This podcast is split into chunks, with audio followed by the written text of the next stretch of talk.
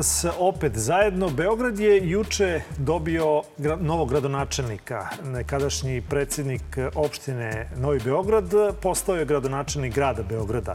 E, pre otprilike godinu dana, tačnije krajem maja, e, u ovoj emisiji, u ovom podcastu, moj gost je bio Oliver Ilić iz udruženja Savski nasip, e, pa je on i danas gost. A zašto? Zato što smo juče od gospodina Šapića čuli da otprilike će stanje koje se sada nalazi na Savskom nasipu ako mi to dobro tumačimo, ostati nepromenjeno. Dakle, sve ono što i gospodin Šapić obećavaju u predizbornoj kampanji, a i ranije, jeste da će se nelegalni objekti na Savskom nasipu porušiti, to je da e, prosto to što on je bio predsednik opštine Novi Beograd, pa nije imao ingerencije da ruši objekte na Savskom nasipu, da je to razlog zašto se ne uvodi red na ovom delu Save u Beogradu i dobili smo tada obećanje da će se on pozabaviti tim. Međutim, iz jučerašnjeg e, obraćanja u Skupštini grada nekako se steče, stiče utisak da se to e, neće desiti. E,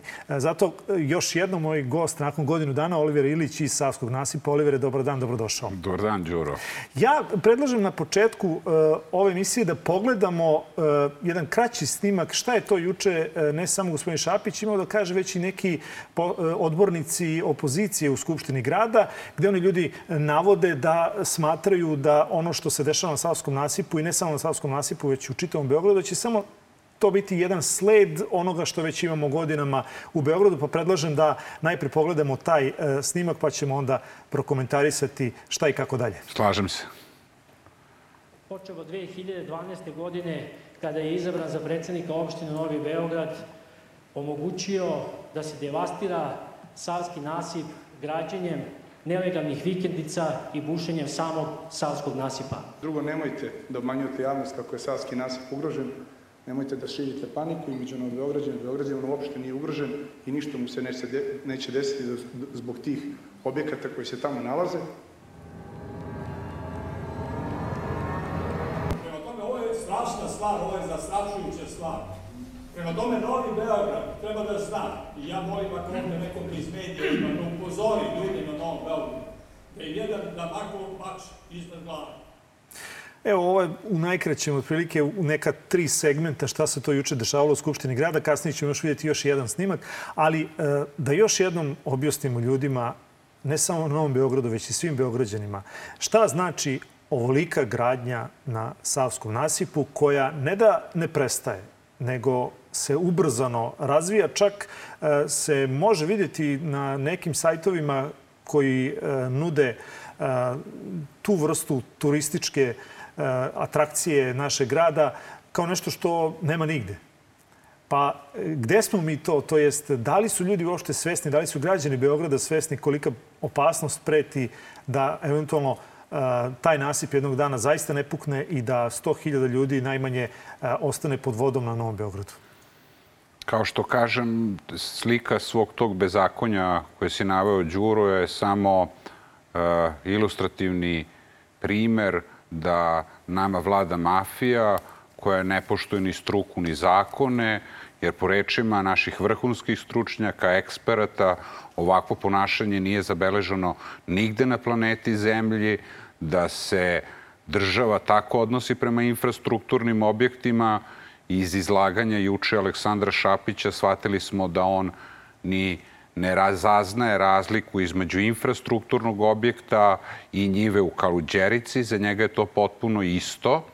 E, ili, je, ili nastavlja da bude bahat kao što je do sada bio i da iznosi neistine, obzirom da i njegovo jučerašnje izlaganje obilovalo neistinama, koje su vrlo lako proverljive, On je nastavio da laže narod da je najveći broj nelegalnih objekata bio sazidan pre njegovog dolaska na vlast 2012. što je apsolutno neistina i može se lako proveriti pregledom satelitskih snimaka gde se vidi da je do 2012. godine bilo na teritoriji opštine Novi Beograd 46 objekata, a 2021. 129 objekata. Aleksandar Šapić se već dokazao kao čovek ko je sklon kriminalu, korupciji, prevarama i lažima. I njegov doktorat je tako, s, uh, tako je stekao i doktorat, uh, plagirajući rad, ne bi li sebi stekao neki ugled u naučnoj javnosti, da bi ih dalje mogao da obmanjuje ljude i građane. Veliki broj građana o ovome svemu vrlo malo zna ili ne zna ništa zbog toga što fokus medija, nažalost, nije na ovako važnim temama. Nažalost, naši mediji su pre svega tabloidni i takve su emisije. Ukoliko se neka tema pojavi, traje dan, dva, idemo dalje i to je tako. To sve zavisnosti od uređivačke politike, kuće ove ili one i to je to. Kad već pominjete medije, ajde da se osvrnemo na jedno gostovanje kod kolega u Newsmax Adri i kod koleginice Olje Bećković u Utisku nedelje, pa da čujemo šta je to Čije? ne tako davno Aleksandar Šapić govorio u, u, u toj emisiji, pa da pogledamo dakle šta je on tada govorio. Dobro, dobro. Ja sam jedno bio u nekoj emisiji kod vaše koleginice koji je iznala gomilu laži. Kao, pročitala sam, kaže, na, na Twitteru i na Facebooku. Pročitali ste na Facebooku i to iznosite danas kao, znači, priča kako sam ja zaštitio objekte na Savskom nasilju. Priča kako moj ujak ima vile tamo. To su sve notorna laž do laži. Sad ja moram da vas pitam, što niste krenuli od sebe e, i evo ovih dana e, kruži po društvenim mrežama taj snimak gde vi govorite e, da ne možete da srušite e, vikendicu vašeg ujaka na Savskom nasipu i da je to ipak vaš ujak. Pa ovako, prvo taj snimak je čista laž i montaža. Nema veze s mozgom, ja to ušte tako nisam rekao. Vaše Evo, gospodin, gospodin Vesić kaže da vi niste rušili objekte na Savskom nasipu zato što, moj zato što vaš ujak ima tamo vikendicu i Tako. ispred studentskog grada. Kao moj ujak ima vikendicu na Savskom nasipu, to je tačno. Kakve opasnosti prete građanima Novog Beograda? Ja prosto ne smijem da pomišljam na taj scenariju. Scenario bi bio stravičan. Taj nasip bi se jako velikom brzinom, taj, ovaj, da kažemo, slom nasipa bi se jako velikom brzinom širio. I za jedno kratko vreme onda ide taj čeoni talas. U hidroulici se to zove pozitivan čeoni talas.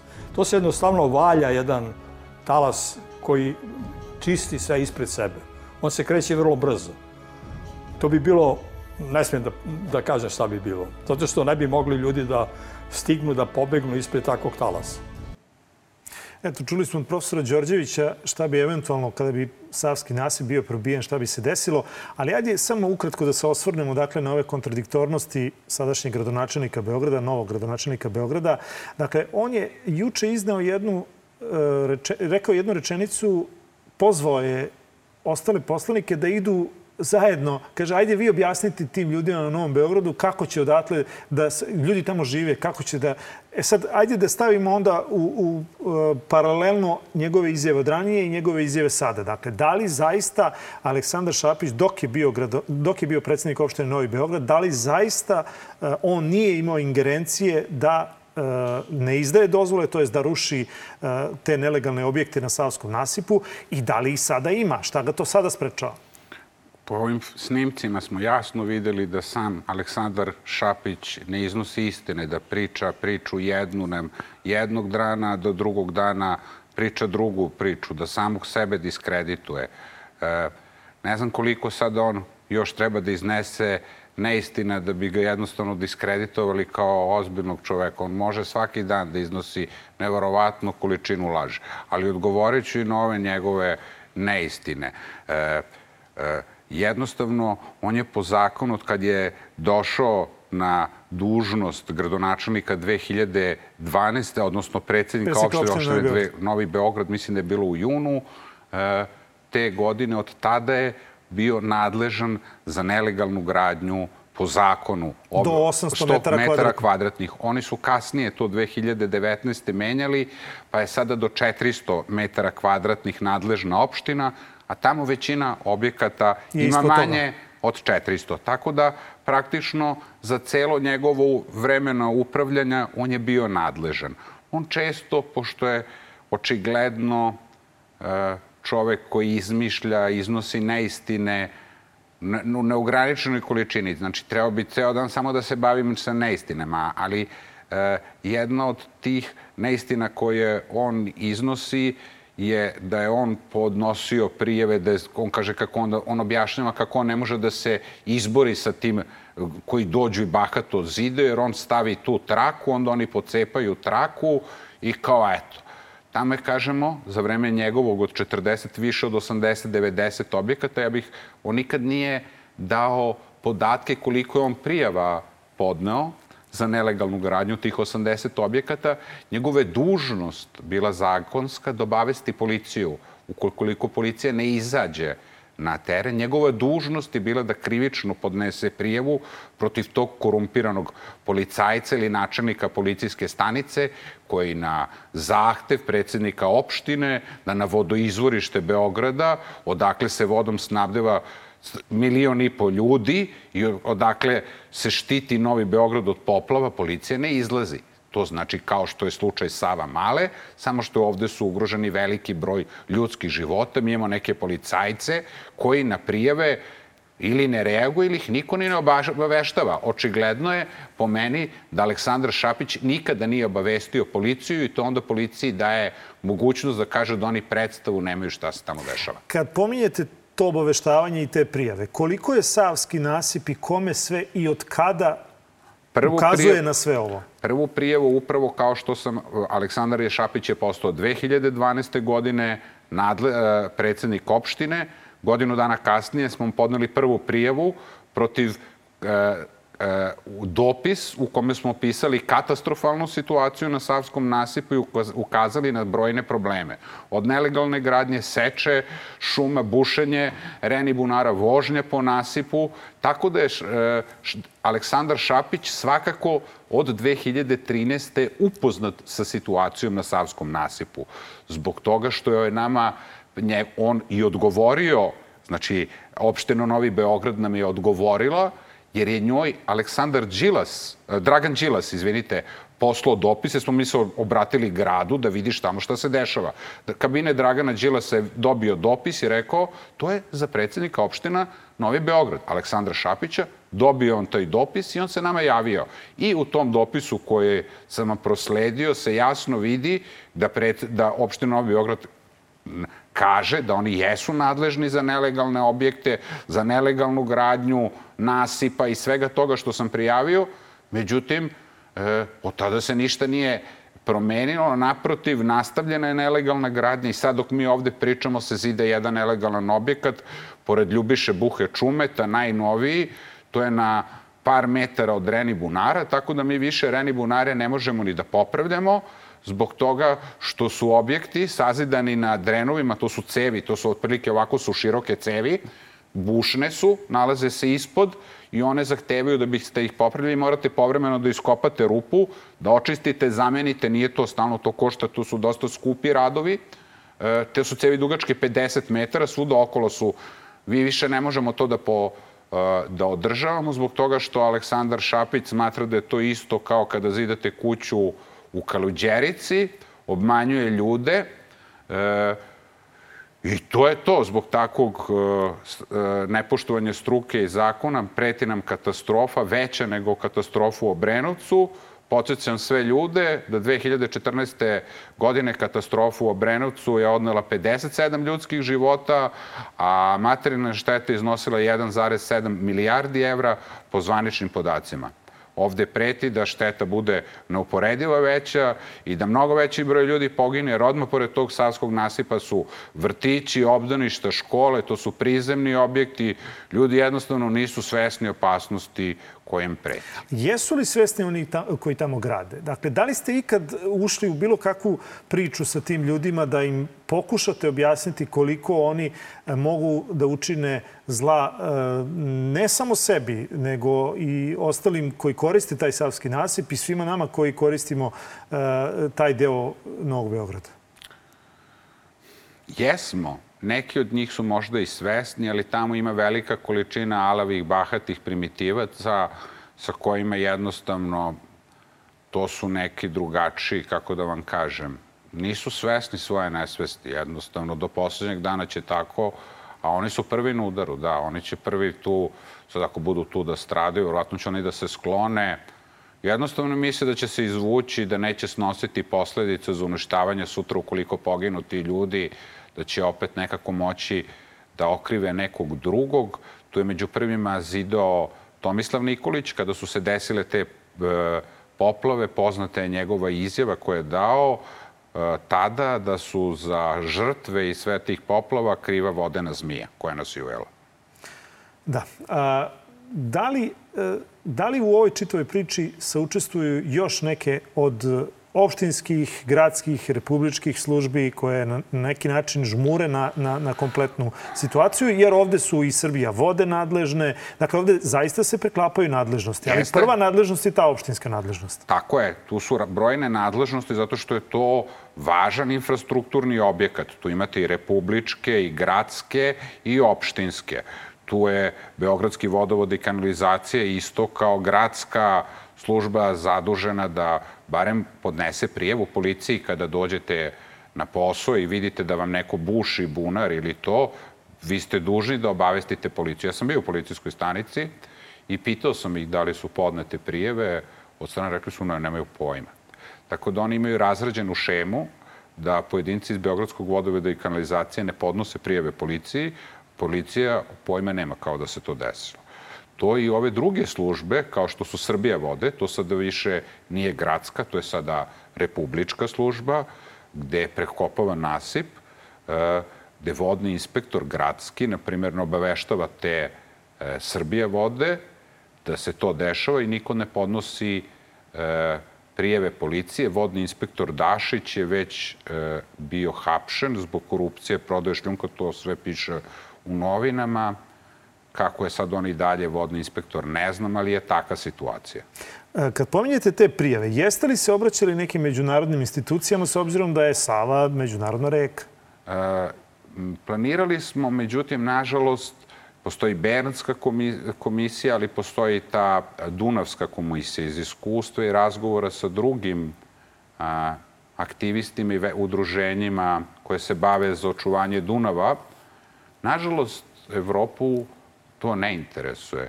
Kad vi to sve završite i dobijete, na primjer, od Bernske konvencije, da je sve to tako kao što ste vi rekli, da oni ne trebaju to da rade, neće niko doći iz Evrope ili iz Bernske konvencije nešto vam reći. Vi ćete se sami, ako uspete ovde da se e, izborite sa time izboriti. To će biti samo jedan dokument, pritisak da ovim malovim bahatim primitivcima, kažete, evo iz Bernske konvencije su rekli. Rekli su vrhunski stručnjaci, profesori, pa to za njih ništa ne znači.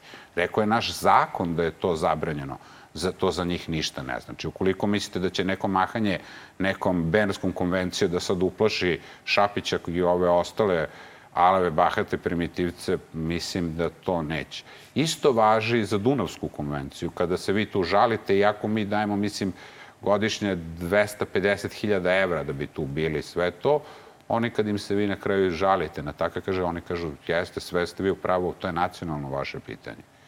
Znači, borite se sami, pa kako se snađete. Mislite li da će ipak, e, eto, ako tako mogu da kažem, reda radi, ipak e, novi gradonačelnik nešto raditi na tom savskom nasipu, jer e, on je u predizbornoj kampanji govorio da će se uvesti red, da će se bar razmaknuti ti splavovi, da će, se oni, da će vlasnici splava morati da čiste, da daju neki novac za to i tome slično. Kao i do sada, verujem da će se baviti manipulacijama i obmanama da bi tim vodećim kriminalcima koji drže taj biznis kao što su, rekao sam, Čume, tu je e, bivši predsednik opštine Novi Beograd, tu je Đani. Oni to zovu policijsko naselje. Tu su brojni pripadnici policije, načelnici policijskih stanica imaju tu objekte. Tu su objekti pripadnici klana Belivukovog, koji se tu pojavljuju i prete građanima da će im odlomiti glavu i to, koji se redovno tu pojavljuju. Neki od tih klanova su sada u zatvoru zajedno sa Belivukom uhapšeni, tako da je normalno da se ljudi plaše da tu dolaze. To su ljudi koje on štiti e, i siguran sam da neće uraditi ništa osim neke mahinacije da će onda ukloniti dva splava, tri, ne bi li to predstavio kao neku borbu, pošto on to već tako radi, slika se onda za medije, kako on uradio više nego iko ikada u životu, a ovi bahati u kojima vam pričam će nastaviti to da rade. Sumnjam ozbiljno da se tamo vrši prodaja droge na tom delu zbog profila ljudi koji tamo dolaze. Jedan od vaših saboraca je Zoran Bukvić e, ispred Savskog nasipa. On je sada i e, u gradskoj, u gradskoj skupštini. Mislite li da će ipak taj ulazak e, u te ajde, političku sferu, to jest političke vode, da će izvršiti pritisak. Jer ono što smo mi juče imali, to jest u ponedeljak, ajde, ovo se snima utorkom, pa je pitanje kada će gledalci da gledaju, ali ono što smo juče imali prilike da vidimo jeste ipak neka vrsta pomaka. Dakle, mi smo čuli i ovu drugu stranu kako nije, koja... Kako nije? Kako nije? Za ovo teško, bolesno društvo, kako da nije? Kad se vi vidite neke političke opcije, stranke da se barem oko nečega usresredi, da shvate važnost nekog problema i da o tome govore. E, malo pre smo slušali, sada smo slušali neke priloge, mislim da je to bio Miloš Pavlović, da je on govorio, juče govorio, odlično je govorio i Dejana Tanacković, iz, e, on je dobitnik knjignove nagrade, on je iz Moramo. Aleksandar Anđelković, isto iz Narodne stranke, on je doktor na Šumarskom fakultetu, doktor e, za te nauke, za isto za zaštitu od voda. Znači, sad su i ti njihovi stručni. Imate iz SSP-a Igor Radošević, on je isto za, za ekologiju. I svi tih stranaka su se, iz demokratske stranke su isto govorili. Tako da su to neke teme gde oni, eto, drže se zajedno i drago mi je što se toga drže. Mi se u kontaktu smo sa svima njima kad treba neka informacija, pitanje, nejasnoće, zato i držimo i taj web sajt i mislim da je to dobra stvar. Planiramo uskoro zajedno sa svima njima, iako se oni često ne slažu oko raznih drugih tema i napadaju se međusobno, već kad završimo vjerojatno ovu emisiju, oni će već naći neki drugi razlog da se nešto ti ovo ne valja, ali oko ovoga za sada mislim da je dobro i da ćemo moći da očekujemo, pored svih tih nekih njihovih e, nesuglasica, saradnju i dalje na ovoj e, borbi za Savski nasip, očekujemo uskoro akcije, blokade, proteste, I ništa, nećemo odustati dok e, se toj problem ne reši pre nego što se podeli. A kako taj problem može da se reši? Dakle, vrlo evo sad da imamo, vrlo da imamo, da imamo ma, vlast koja ma, bi se držala jedno, zakona, ma, šta mora da se ma, desi? Ma nema šta, rekla je struka, rekli su jasno, znači vrlo jasno. Prvo moraju da se odbiju za ti njihovi zahtevi za legalizaciju na koje su oni vade. To šta to znači? Koji je to broj? Ne znamo. Imate li ne, informaciju? Pa lažu, mi smo imali kao, to on iznosi neistine u nekim stvarima imamo, sad, sad, sad je ovde teško da vam sad ja pričam sve podatke, 43, 124. Ne, za neverovati Aleksandru Šapiću ako vam ne da papir. To što on kaže, to uopšte ne znači da je istina, jer mi imamo za te, upravo što me pitate za legalizaciju, da on laže iznosi neistina. Znači u jednoj emisiji kaže da su, da su predali svi, onda mi se obratimo opštini i tražimo da vidimo. Pošto i sada od 2015. do 2015. ste mogli kao da od 2015. se nastavila i dalje tamo nelegalna gradnja. Kako ti podnose? Evo sad se zida. Kome on podnosi? Kome za legalizaciju? Kome podnosi kad ne može da podnese? On sad zida. Evo dok mi pričamo, on zida. Kako? Onda kad završi će da podnese za... I ne može. A on mu to ne ruši ne ruši to, jednostavno nema šta. Znači, vrlo jednostavno. Ti zahtevi za legalizaciju koje ne znamo ni kako su primljeni neki od tih zahteva. Taj tamo je podno zahtev za legalizaciju poprečnog nasipa. Ko ti može da ti prime? To ko kad bi ja sad podnao zahtev da mi neko legalizuje, mislim, možeš, ali ne može da ti to neko primi, da ti to nešto kaže. Ja ću da, hoću da napravim rampu na Kalemegdanu od ozdole do ovoga. I ne može to da ti neko znači, primi. Da, da pojasnim, dakle, ti poprečni, kako ih vi nazivate, poprečni nasipi, su faktički To je seku, katastrofa, oni svako svoj put pravi. Oni da bi došli, ili to, oni, znate, oni zidaju kuće u koritu reke, tu su školjke. Ta reka se leti povuče i oni sačekaju kad se povuče. Ne, ne zide oni kad je to niska voda. To oni zide u koritu reke. To nije zemljište koje, to, to je reka. Oni u reci, povuče se reka, oni brzo doveku kamione, naprave brdašce jedno i tu naprave kuću. Onda reka dođe, onda im dođe do, do vrha, ali kad dođe, oni bi hteli opet da dođu. Sad je to tamo negde nasred reke. Onda oni šta rade, sad ćemo da smislimo, po šta daj se ovih gradilišta svih da sipamo. To uopšte nije smeš, mislim, Opasno je, u tome je problem. Ljudi se smeju, ali je opasno. Na tome profesori kažu, reka umesto da prođe pored tog nasipa kako prolazi, on napravio sad put do njegove kuće nasred reke. I sad reka kad tu prođe, ne može više ni duđe, da nego udare na taj nasip. U tom slovu T se stvaraju sile koje prete, samo ga iščupa ovako parče. I to onda u roku imaš stotine hiljada stanova potopljenih. Ne rade ti liftovi, svi automobili ti ne rade, fekalije, crkotine. Znači, to ne može sutra dan da se popravi. Tu nema struje, to traje 10, 20 dana, koliko? 30 dana. Ko će da čuva te stanove? Tu nema mrkle struje, tu će neki da se... Ne možeš da uđeš ti to da živiš, da imali, roniš. Imali, Olivera, imali sile da se to zaustavi i da se to vrati u prvobitno Ma kako stanje? nema? Pa kako nema? Pa idi, pa idi ljudi po... Pa ako vi tako razmišljate da nema, nemojte da imamo nikad državu. Pa kako državu? Pa dajte. Pa ovo ne postoji nigde na planeti Zemlji. Mi ćemo jedini kao da pričamo o celom planetu. Pa kako to? Čekaj, ovo nema ni u Africi. Pa kako? Znate kako? To, pa to ovo, znate šta, i on to priča kako on ta njegova priča. Pa već su uklonjeni 120 objekata, je već pre toga uklonjeno. Samo ne na Savskom nasipu. Na drugom jednom jezeru akumulacionom. Pre ne znam 7, 8, de, nije, de, Mislim da je Zavojsko jezero, isto ima su tako ljudi. Nije ovo jedini primer. Ovaj, oni nastavljaju da zidaju isto ovako i na gružanskoj akumulaciji. To je jezero koje je struka napravila da dobija vodu za piće, ne iz dosade, jer nemaju odakle drugde. Kragovec nema alternativu za vodosnabdevanje, nema neka rečica odakle bi da dobijaju. Jedino im je ta udolina, odakle oni skupe kada najde sad kiša u nekom trenutku, pa napuni se jezero. I tu drže vodu celu godinu i kad opet padne odatle vade i prečišćavaju. I onda su neki došli i krenuli da ispuštaju govno tu. Oni piju dole tu dole vodu. I onda kad je prvi došao, onda je da napravi još dva restorana, onda tu krećemo i do mestos da izbacujemo, tu se, sve to tu. I onda se desilo to da ta voda više nije bila za piće. Znači, došli i rekli, znači, ne možemo više pimo, zarazit će se ljudi. Pa šta ćemo sad da radimo? Ajde kupimo fabriku za prečišćavanje vode. Onda su kupili fabriku, dali su milioni nešto evra. I oni su nastavili. Profesori kažu, pošto je to mala količina te vode, ta fabrika može neko vreme. Ali sad morat će kupe drugu. A kad budu kupili drugu, onda neće moći više treću da kupe. Jednostavno to jezero se otpisuje po tom kvalitetu za vodosnabdevanje. Možete nešto drugo. Pranje kola, tako, ali nećete moći da pijete vodu. A Kragovec nema alternativu. Ne znamo dakle. Šta je s Novi Sadom?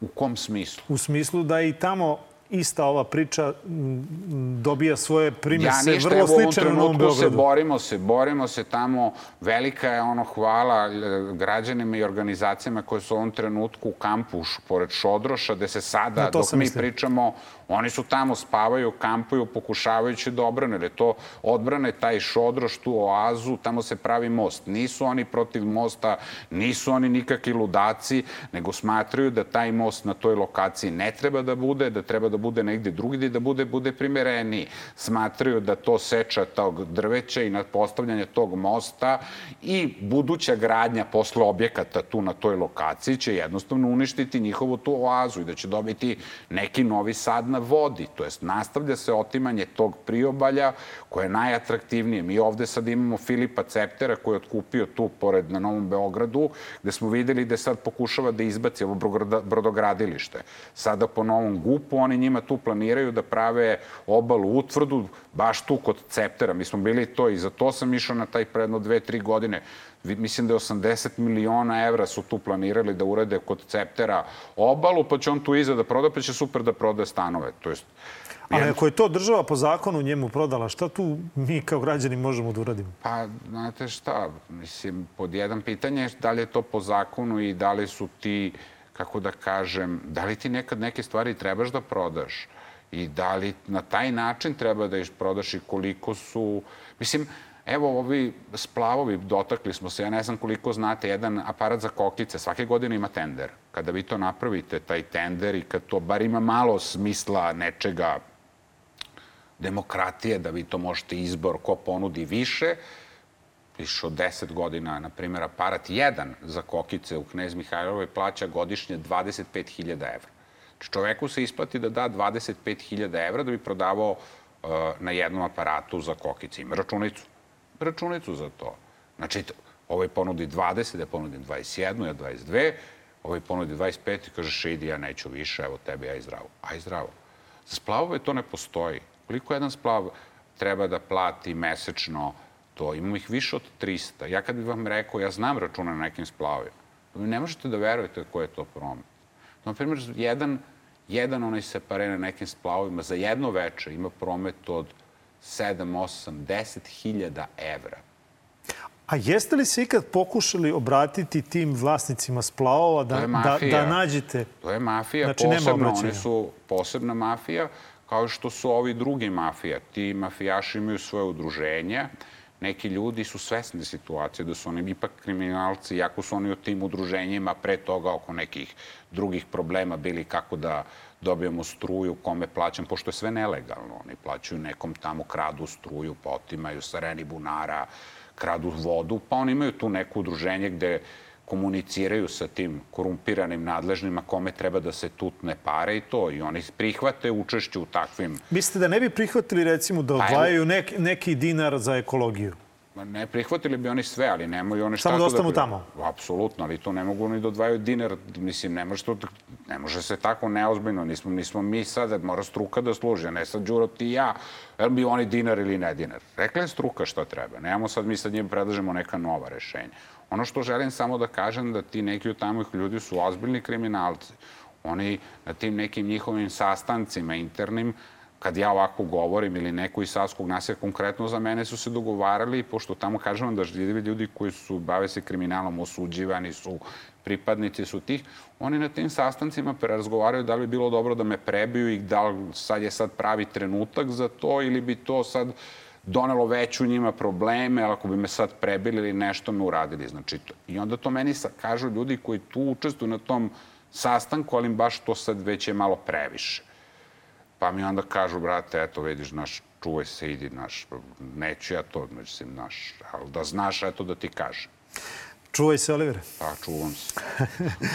Hvala puno na, na, Hvala na izdvojenom Đuro. vremenu i na gostovanju. Dakle, ova tema imali smo je pre godinu dana, imamo je malo pa malo. Biće tek Evo, sad u fokusu, biće u siguran fokusu. sam, biće, biće u fokusu više. Siguran sam i drugi ekološki problemi, po pre svega rasprodaje Sr- Srbije za ove rudnike, prljave tehnologije. Vidite koliko se bune ljudi u Bore, u Majdanpeku i tamo sad postoje kampovi. Tako da sam siguran da nas čeka Boga mi vrela jesen i ono, zima, tako da budete sigurni, a i leto neće biti ono uopšte ovaj, hladno. Hvala još jednom. Moj današnji gost bio Oliver Ilić iz Udruženja Savski nasip, a broj telefona 069 893 0023 otvoren za vaše pitanja. To je Viber broj, dakle šaljite kad god imate neki problem ili pitanje na koje niste mogli naći odgovor, pošaljite, ja ću se potruditi da to učinim umjesto vas. Takođe možete pitanja slati i na e-mail adresu pitajte.đuru.nova.rs ili na Facebook, Instagram ili Twitter mrežu Pitajte.